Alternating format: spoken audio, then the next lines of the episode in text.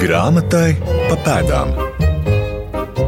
Latviešu grāmatai 500.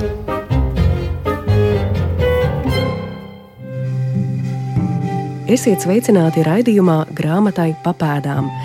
Šī gada aprīlī mana kolēģe Māra Rozenberga aizveda jūs, klausītāji, uz Liepāju, stāstot par pirmo publisko lasām bibliotēku Kurzemes hercogistē, dibinātu 18. gadsimtā, konkrēti 1777. gadā.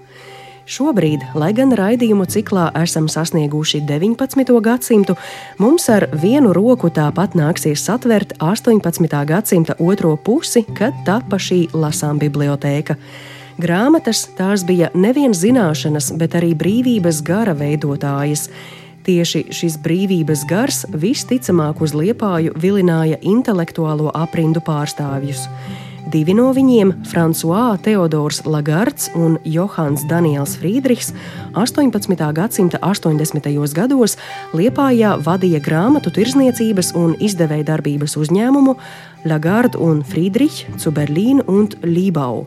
Lībava, protams, ir Liepāja, un arī Berlīnai šajā stāstā būs sava vieta.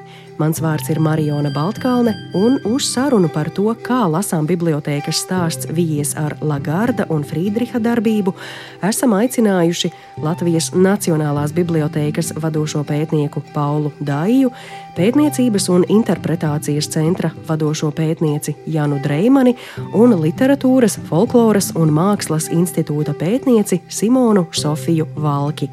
Stāstu pēc mirkļa iesāks Jana Dreimane, atsaucoties uz lasām bibliotēkas nozīmi tā laika liepājas kultūras dzīvē. Grāmatai pa pēdām. Kultūras ziņā svarīgi ir gan Friedriča un Lagarda izdevniecība, bet arī Pirmā lasām biblioteka tagadējās Latvijas teritorijā, Liepājā, 1777. gadā, dibināta pēc Liepājas Annas draudzes mācītāja Johana Andrēsa Grunta iniciatīvas.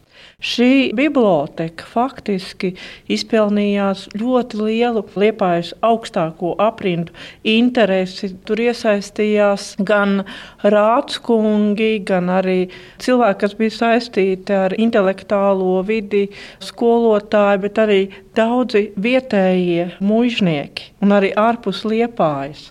Šī lasām biblioteka darbojās pēc tāda principa, ka katrs biedrs iemaksāja iestāšanās naudu, un bez tam katru gadu maksāja vēl diezgan lielu summu, lai biblioteka varētu papildināt ar jauniem izdevumiem. Summa bija diezgan liela, tāpēc savā ziņā šajā bibliotekā varēja iesaistīties, nu, varētu teikt, liepājas un liepājas apkārtnes augstākā sabiedrība. Man nav vēl izdevies izpētīt, vai šajā bibliotekā bija arī Lagarda un Friedricha izdevumi. Bet katrā ziņā tipiski tā laika lasām bibliotekām šeit bija nu, tā literatūra, kas interesē sabiedrību. Un tā laika sabiedrība interesēja žurnāli, pirmām kārtām žurnāli, avīzes Un to, ko mēs saucam par izklaidējošo literatūru, romāni, varbūt arī ceļojuma apraksti, ja, un varbūt arī kāds nopietnāks ievirzējas izdevums. Lasām bibliotēkā, tas nozīmē. Biblioteka, tas ir pēc vācu tradīcijas lēze biblioteka, un tas automātiski nozīmē, ka tā ir maksas biblioteka, kas tiek uzturēta no biedru iemaksām. Es atkal to uzreiz saistītu ar to, ka tu atnāc, palasi, bet līdzi mēs tev neko nedosim. Nē, jā, viena no šo biblioteku pamatiezīmēm bija tā, ka, protams, cilvēkiem deva literatūru līdzi lasīšanai mājās. Un tipiskā iezīme, tāpat kā mūsdienās, ja, kad ja tu aiznes uz mājām, tad lasīja, protams, ne tikai pats, bet visa ģimene, visa saime. Janas Dreimanis minēto tālāk papildina Simona Sofija Valke, kura skaidro šādu lasām bibliotēku vietu plašākā mērogā tā laika Eiropā. Protams, Liepāja nebija vienīgā ar lasām bibliotēku, tomēr Latvijas teritorijas kontekstā tas bija ļoti nozīmīgi izpētes augsta.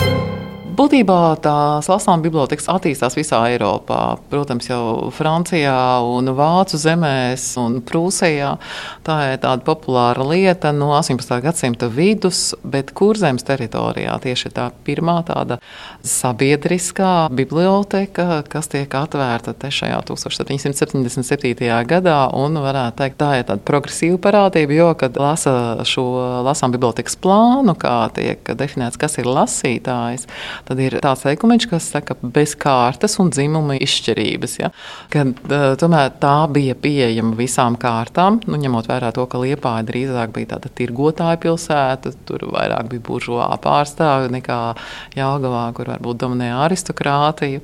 Un uh, es gribētu arī uzsvērt, ka sievietēm šī biblioteka ir pieejama, kas arī redzams ir um, grāmatas pāršķirstot uh, Liepājas vecbibliotekas fondā, ka no 18. gadsimta beigu izdevums piemēram, kas man nāk prātā vislielākais no tādiem periodiskiem izdevumiem, franču valodā, starp citu, dāmu biblioteka, kurai ir 135 eh, mazi sējumiņi, kas izglīto dāmas matemātikā, astronomijā, fizikā, literatūrā, nu, vecukot. Ļoti izglītojoši mazi sējumiņi, un tieši šis demokrātiskais aspekts, ko es arī gribētu uzsvērt. Klausoties stāstā par lasām bibliotēku, varētu rasties jautājums, vai Liepājā tobrīd bija arī sava tipogrāfija. Nebija viss, jo pirmā tipogrāfija dibināta 1823. gadā, tātad šogad varam svinēt tās 200. jubileju. Bet kur tad Friedrichs un Lagards, ierodoties Liepājā krietni pirms šīs tipogrāfijas dibināšanas, iespieda savus izdevumus? Atbildi sniedz Pauls Dāja. Laikā, kad Lagards un Friedrichs darbojās Liepājā, tā 18. gadsimta nogale, 80. gadi, Liepājā vēl nevienas tipogrāfijas nebija, un tāpēc viņi iespieda savas grāmatas gan citvietu, kur zemē, Jālgavā, gan arī Vācijā. Un dažās grāmatās mēs varam arī redzēt beigās norādes, ka grāmata ir iespiesta Berlīnē, grāmata ir iespiesta Jālgavā, bet izdevēji ir Lagards un Friedrichs, tātad kopuzņēmums starp Berlīnu un Liepāju. Kāpēc Lagardam un Friedriham Liepāja šķiet simpātiska? Viņa darbojas Berlīnē, viņa darbojas Jelgavā, kas ir tā laika tāda kurzemes nozīmīga pilsēta.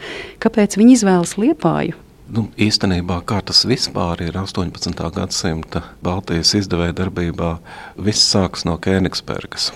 Kēnigsbergā 18. gadsimtā bija leģendārs izdevējs Kanters, kurš izaudzināja virkni talantīgu šīs profesijas turpinātāju, ieskaitot Kanta izdevēju Hartknohu Rīgā, ieskaitot daudzus citus. Un arī Friedrichs un Lagards uzskatīja Kēnigsbergu par savu garīgo tēvzemi, kā pētnieki ir teikuši. Sāka veidot biznesu Berlīnē, un tad nolēma paplašināties austrumu virzienā. Bija vairāki varianti, kur atvērt filiāli, bija doma par Austrumu Prūsiju, par kurzemi mm, izvēle krita par labu liepājai, un tur ir virkne ar argumentiem, un nav īsti skaidrs, kurš bija noteicošais. Bet eh, man šķiet vispār, ka 18. gadsimta otrajā pusē Liepāju raksturoja ļoti intelektuāli aktīva un eh, galvenais ļoti brīva garīgā vide. Tas ļoti ātri mainījās līdz ar Franču revolūciju reakcija uz Franču revolūciju, kas arī galu galā veda pie bēdīga gala lasām bibliotēkai, par ko Jānis stāstīja. Bet uh, ir šis īsais brīdis gadsimta beigās, kad valda, kā laika biedri saka, brīvība un apgaismība. Un tad, protams, kas ir tie instrumenti, kas var palīdzēt brīvību un apgaismību izplatīt, tajā laikā tās ir grāmatas. Un īstenībā grāmatu izdevēji ir arī tādi sava laika viedokļu līderi. Un, Man liekas, ka to varētu teikt arī par Friedrichu un Lagardu. Es vēl iedomājos, ka eh, Latvijas kartē Liepa ir strateģisks punkts, vai ne? Ja mēs raugāmies Kēnigsberga, Rīga, Jelgava, tie būtu tādi gala punkti - Rīga, Jelgava un Liepa ir tā ļoti nozīmīgi pa vidu.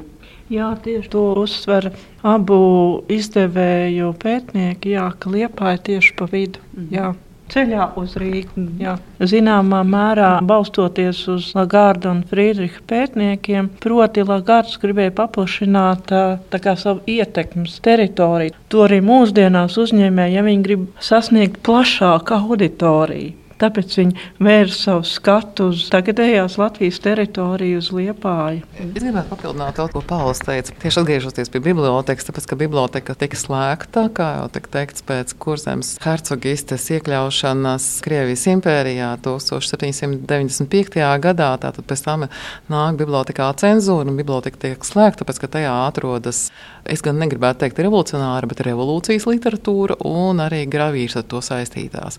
Un tad man likās interesanti paskatīties, kāda veida literatūra stāsta par revolūciju Francijā, Liepājas bibliotekā tajā laikā.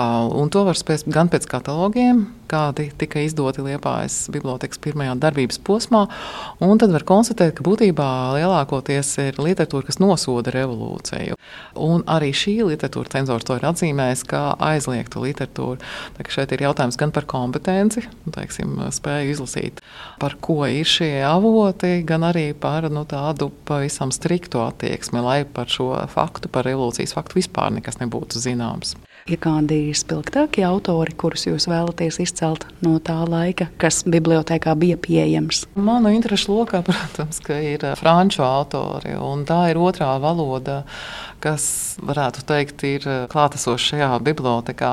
Pārsvarā ir vācu valodā, drukāts grāmatas, bet arī franču valodā. Un tad, ja mēs atgriežamies pie Lagarda un Friedricha izdevniecības, tāds viens no motīviem noteikti Lagarda, kā franču hugenotu izcelsmes cilvēka ietekmē bija franču darbu tulkošana. Un Liepājas bibliotekā ir tieši Montēņa tulkoti darbi, un tas viens no tādiem interesantākiem eksemplāriem arī ir. Jā. Ļoti ilgs mūžs tomēr šai bibliotekai nesanāk. No vienas puses tāds brīvais liepājas gars, bet drīz vien tam stāstam pienāk beigas. Tā stāsta beigas ir diezgan nosacītas, jo uz Krieviju tiek aizvests tikai aizliegtā literatūra, bet pārējais krājums paliek Liepājā, un pēc nostāstiem tas vēl nav precīzi zināms, glabājas pilsētas valdes bēniņos. Pēc tam paiet eh, daži gadi, desmiti, un neliela daļa no šī krājuma Annas baznīcas draugs mācītājs Edvards Rotermunds atlasa un aizved uz Annas baznīcu draudzes bibliotekas vajadzībām. Nu, tā ir tikai versija, jo mums ļoti daudz kas nav zināms. Bet tad, kad lielās ģildes vecākais Kārlis Ulrichs izsludina jaunas pilsētas bibliotekas veidošanu, tad domājams, ka pats Rotermans daļu no šī, vismaz daļu no šī krājuma, ko viņš bija aizvedis uz Annas biblioteku, atkal atved atpakaļ. Un jāņem vērā arī tas, ka šīs pirmās bibliotekas grāmatas jau glabājās bērniņos. Un līdz ar to var teikt, ka tomēr tāds nu, bibliotekas turpinājums bija. Un turklāt arī jāņem vērā, ka saglabājās arī status. Sākotnēji 1777. gadā bija noteikts, ka šī biblioteka, lasām biblioteka, būs pilsētas īpašums. Un arī nākamā biblioteka, nākamais uzsaukums, kas bija 1839. gadā, arī bija nodoms veidot to kā pilsētas biblioteka. Līdz ar to bija šī pēctecība. Tik tālu mani sarunu biedri ir iezīmējuši Liepājas lasām bibliotēkas nozīmi, un šīs lasām bibliotēkas mantiniece šobrīd ir Liepājas centrālā zinātniskā bibliotēka ar Simonas Sofijas Valkes pieminēto vecbibliotēkas fondu. Līdz šim dzirdētajā jau ienākuši grāmatu izdevēju un tirgotāju Lagarda un Friedriha vārdi. Nu laiks šīs personības iepazīt tuvāk. Jau noskaidrojām, kādi vēji viņus iespējams vilināja uz liepāju, lai pēc tam no 1785. gada jūnija līdz 1791. gada aprīlim kopīgi vadītu grāmatu tirzniecības un izdevēja darbības uzņēmumu. Bet kādi bijuši katra individuālie dzīves pieturas punkti, to izzināsim turpinājumā, un vispirms par franču protestantu jeb hugenotu pēcteci Frančisu Teodoru Lagardu. Grāmatai pa pēdām. Lagards, francūzis, kurš dzimis Kēnigsbergā, mācījies arī Berlīnē. Ar vācu valodu viņam iet švaki, toties prot eh, daudzas citas valodas. Kāds ir šī cilvēka stāsts par nonākšanu līdz liepājai? Apmēram bija trīs Fugenotu viņi, kas devās projām no Francijas. Varētu būt, ka Lagardu vecāki tajā otrajā vilnī, proti pēc Nantes edikta atcelšanas 17. gadsimta beigās, kad protestanti dodas ārpus Francijas un apmetās dažādās zemēs, un Vācija, protams, ir viena no tām, un Berlīne arī kas uzņem ļoti daudz franču hugenotus. Un, nu, Berlīnē katrā ziņā ir mācību iestādes arī franču valodā. Franču gars ir visur esošs. Nu, ir diskutabls, protams, jautājums, vai Franciska runāja visu Eiropu, vai tikai daļa, vai tikai frankofīli. Bet uh, neapšaubām, ka tika atzīts, ka viņai piemīt tādas kvalitātes, tādas labās īpašības, par kurām varētu sapņot katra valoda. Proti, precizitāte, polisēmija, tātad daudznozīmība, daļrunība un nu, daļskanība arī. Dzen. Un to var arī konstatēt uh, Liepājas bibliotekas, vecbiblioteka fondā esošās grāmatās, lasot tos priekšvārdus, un tad uh, šī franču valoda tiek aprakstīta tieši uh, pēc šiem kritērijiem. Un tad šķiet, ka Herdira iniciatīva jau 18. un 19. gadsimta mijā, kad viņš sāk apzināties vācu nācijas valodas būtiskumu, tad arī ir šī tieksme uz tām kvalitātēm, kas piemita franču valodai. Simonai pilnīgi būtu piekritis Prūsijas karalis Friedrichs Lielais, kurš ļoti augstu vērtē franču kultūru, principā prata vāciski, bet nelabprāt runāja. Tāpat laikā Berlīnas apgaismība šajā laikā arī bija ļoti nozīmīga tajā, lai stiprinātu vācu nacionālo pašapziņu, lai radītu alternatīvu šai franču kultūras dominantai. Un Lagards, var teikt, izsita labumu no abām šīm tendencēm, publicējot franču literatūras tulkojumus vāciski, vienlaikus uzturēdams kontaktus gan ar Parīzi, gan ar Kēnigsbergu, Liepāju, Jelgavu. Tādā veidā guva labumu no tām pretrunīgajām laikmeta tendencēm. Vienlaikus arī Friedriča Lielā laiks Prūsijā saistījās ar domu, uzskatu, preses brīvību, diezgan lielu liberālismu un brīvdomību. Un līdz ar Friedriča lielā nāvi tam pienāca gals. Arī daudzi Berlīnas apgaismības racionālismu pārstāvi vai nu atslāba, vai arī pameta Prūsiju. Un, uh, man šķiet, ka tas ietekmēja arī to, ka Friedrichs un Lagards izšķīrās kā biznesa partneri. Tur gan bija arī atšķirīgi viņu biznesa plānu redzējumi. Sapratu, ka jāiet katram savs ceļš, un vienalga turpināja uzturēt labas attiecības. Friedrichs Liepājā turpināja izdot grāmatas viens pats, un līdzās izdevēja darbībai ļoti svarīga joma bija arī grāmatu tirzniecība, jo Liepājā atradās grāmatu veikals. Mm. Es gribētu pakāpties vēl soli atpakaļ par šo otru portretu šajā stāstā, tātad Johanu Danielu Friedrihu. Nu, ja Lagardu liepājā vilina šis brīvdomīgais gars, tad šķiet Friedriham beidzot vācietim, ja viņam ir šis neveiksmes stāsts, ir piedzīvota neveiksme iepriekšējā uzņēmēja darbībā, vienlaikus viņam ir labi sakari, pat pazīšanās ar Immanuelu Kantu. Viņa nonākšana līdz liepājai ir kaut kāds glābiņš vai vienkārši labākas dzīves meklējumi, lai pēc tam satiktos ar Lagardu. Ir daudz nezināmo, un tad parasti gribas teikt, ka ļoti liela nozīme ir bijusi nejaušībai. Es esmu par to domājis, un man liekas, ka svarīga nianses šeit ir tas, ka Friedrichs bija gados jaunāks par Lagardu. Lagards vienmēr bija tas nozīmīgākais, vecākais, svarīgākais biznesa partneris, kamēr Friedrichs spēlēja otro violi.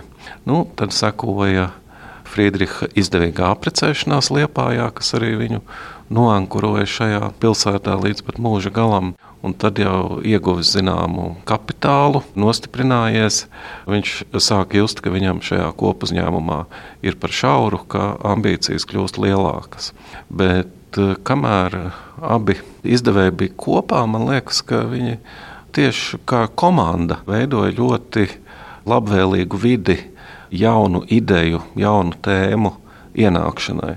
Un, protams, ka grāmatas, ko viņi izdeva, bija jau domātas ne tikai Baltijas reģionam, bet arī visai vāculodīgajai lasītāju publikai, kurus tās sasniedz caur Leipzigas grāmatu gadatirgiem.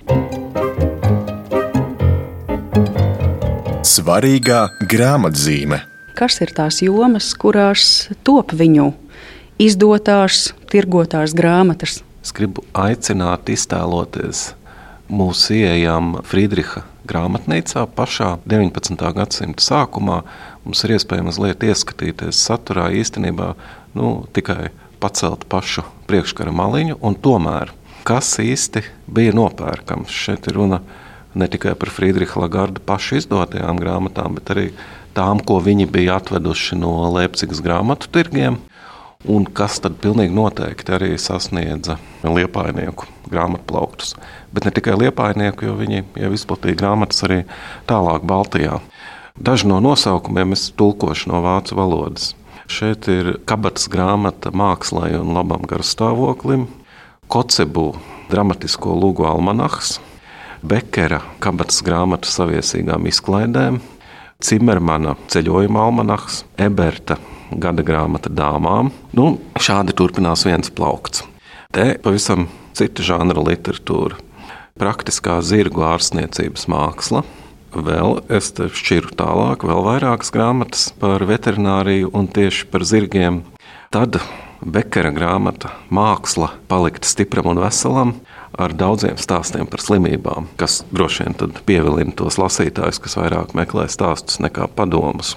Pamatlikumi jauniešu izglītošanai, industrijai, arī pa kādam romānam, bet ļoti maz. Un visbeidzot, piezīmes par kādu ceļojumu cauri Nīderlandi uz Parīzi. Un tā varētu turpināt. Man liekas, ka tas, kas te ir visinteresantākais, ir tas ļoti raibais, daudzveidīgais saturs. Tas, cik daudz mēs redzam, piemēram, kabatas grāmatas. Kabatas grāmata tas ir almanahs, krājums ar dažādiem tekstiem, kur var uzšķirt jebkurā vietā, lasīt vienatnē vai kopā, ņemt līdzi somā vai kabatā. Lasot šos sludinājumus par grāmatnīcās pieejamām grāmatām, mēs varam redzēt arī to liepainieku lasītāju publiku, kam īstenībā lasīšana un grāmata ir ļoti dabiska un pašsaprotama ikdienas sastāvdaļa. Janas Dreimanes un Simona Sofijas Valkes veidotā publikācijā, kas pieejama portālā ir liepāja.lv, norādīts, ka redzamākais Lagarda un Friedriha izdevniecības sasniegums bijis Immanuela Kanta darbs, spriestspējas kritika, kā arī Žana Žaka Bartelemē daļdarbs par antīko pasauli, jaunā Ana Harsis ceļojums pa Grieķiju. Arī man pirms šīs sarunas ir bijusi iespēja aplūkot grāmatas Latvijas Nacionālajā bibliotēkā, un Kanta grāmatas nozīmi tālāk skaidro Pauls Daija. Mēs ar jums, Marijona, pirms dažiem mirkļiem šķirstījām Immanuela Kanta spriestspējas kritikas pirmizdevumu, kas nācis klajā Liepājā, un redzējām, ka kāds lasītājs vai lasītāja ar sarkanu zīmoli bija pasvītrojuši svarīgākās vietas, Mēs arī šķīrām uz priekšu, nebija īsti skaidrs, vai ir tikts grāmatai līdz galam. Tie pasvītrojumi vairāk pirmajā daļā. Kādreiz būtu interesanti paskatīties, kas ir tās kanta idejas, kas šo iespējams liepainieku ir darījušas uzmanīgu vai arī miegainu. Bet jā, stāsts par kantu. Mēs jau esam par to runājuši šajā raidījumā, kas būtībā sākās ar Hartknohu mm. Rīgā un viņa sakariem ar Kēnigsbergu. Hartnokam aizejot mūžībā, šīs vienas kanta grāmatas eh, izdošana pārceļoja no Rīgas uz Liepāju. Īsti arī raugoties uz Hartnoka pieredzi, jau nevar pateikt, vai šīs kanta grāmatas, kas mums šodien liekas visnozīmīgākās, tādas šķita arī tolaik pašiem izdevējiem. Iespējams, ka bija citi darbi, kas bija veiksmīgāk aprēķināti uz plašu lasītāju publiku, baudīja lielāku popularitāti. Mēs skatījāmies ceļojuma aprakstu par došanos uz seno Grieķiju, kur zināšanas par antīko kultūru tika iepakotas, imitējot tolaik populāro ceļojuma aprakstu žanru, tādā veidā ievilinot lēticīgus lasītājus, kas pamanīja, ka viņi apgūst zināšanas par senās Grieķijas vēsturi, tad, kad bija jau par vēlu. Arī šādas grāmatas, man liekas, nu, šodien pat eh, pētniekiem ir jāmeklē un jāskatās, kas tieši bija to autori, kā viņas tappa, kā šie tulkojumi sasniedz Baltiju, bet eh, tās atklāja arī savu laiku lasītājus un arī publikas pievilināšanas trikus, man liekas, no ļoti daudz interesantām, negaidītām pusēm. Katrā ziņā saprotams, ka Lagards ātri novērtēja Kanta grāmatu, un esot bijis vismaz kādu laiku šī grāmata viņa izdevniecības piedāvājumu galvgalī. Šajā ziņā Lagardam laimējās, jo, cik es tā sapratu, tad šis sakars ar Kantu, mm, tas bija pateicoties Friedriham. Vairāk pazīstams ar Kēnigsbergas intelektuālajām aprindām un filozofiem. Liepājai priekšā ir nozīmīgas jubilejas un nozīmīgi svētki 2025. gadā, kad mēs svinēsim pirmās grāmatas latviešu valodā 500 gadi, Liepājai būs 400 gadu. Un es zinu, ka ir iecerēta monogrāfija par Liepājas bibliotēku, un tad vēl divus gadus vēlāk, 2027. gadā, Liepāja būs Eiropas kultūras galvaspilsēta. Darbi jau sākti monogrāfijai. Jā, mums ir iecerēts plāns, grandios plāns. Un, uh, tiešām mēs cenšamies atcert gan Liepājas pilsētas un lasām bibliotekas vēsturi, gan to saistītās personības, gan Liepājas kultūru vidu gadsimtu gaitā. Un, lai ieskicētu, mums ir tādi plāni par grāmatniecības ceļiem Liepājā, gan par latviešu, gan par vācu, gan par Liepājas kalendāriem, gan par grāmatu īpašumzīmēm. Un, uh, muzikālijām, un arī par ēkas vēsturi un par Liepājas bibliotekas direktoriem. Katrā ziņā iecerē ir liela, tāda aptveroša, nu, bet galvenais būtu pamudināt šo pētniecību vēl turpināt uz priekšu. Droši vien var pašā noslēgumā teikt, ka ļoti svarīgi, ka Lagarda un Friedricha uzņēmums, ko mēs šodien runājām, bija patiešām starptautisks. Ir svarīgi, ka Liepāja bija pilnvērtīga daļa no tajā tīklā, kur centri bija Parīze un Berlīne. Un es domāju, ka svinot Liepājas jubileju, mēs zinām, ka noteikti skanēs latviešu valoda, angļu valoda, vācu valoda, bet man gribētos, lai skanētu arī franču valoda. Un lai gan mēs paši, gan citi atcerētos daudz eh, labāk un precīzāk ieraudzītu to, ka Liepājas kultūras vēsturē piemīt arī šī franču puse. Un man ir milzīgs prieks, ka arī manu kolēģu veidotais projekts ir to aktualizējis. Lūk, šāda vēl viena lapuse par Liepājas un tās bibliotēku kā unikālu kultūras institūciju un Lagarda un Frīdriha atstāto mantojumu.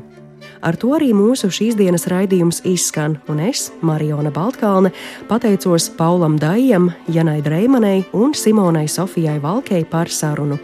Raidījuma padomdevēji ir Latvijas Universitātes Akademiskā bibliotēka un Latvijas Nacionālā bibliotēka.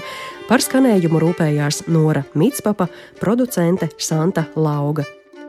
Nākamajā nedēļā iepazīsim stāstu par atturības idejas aizsācēju Kristapu Kaktiņu. Grāmatai pa pēdām Latviešu grāmatai 500.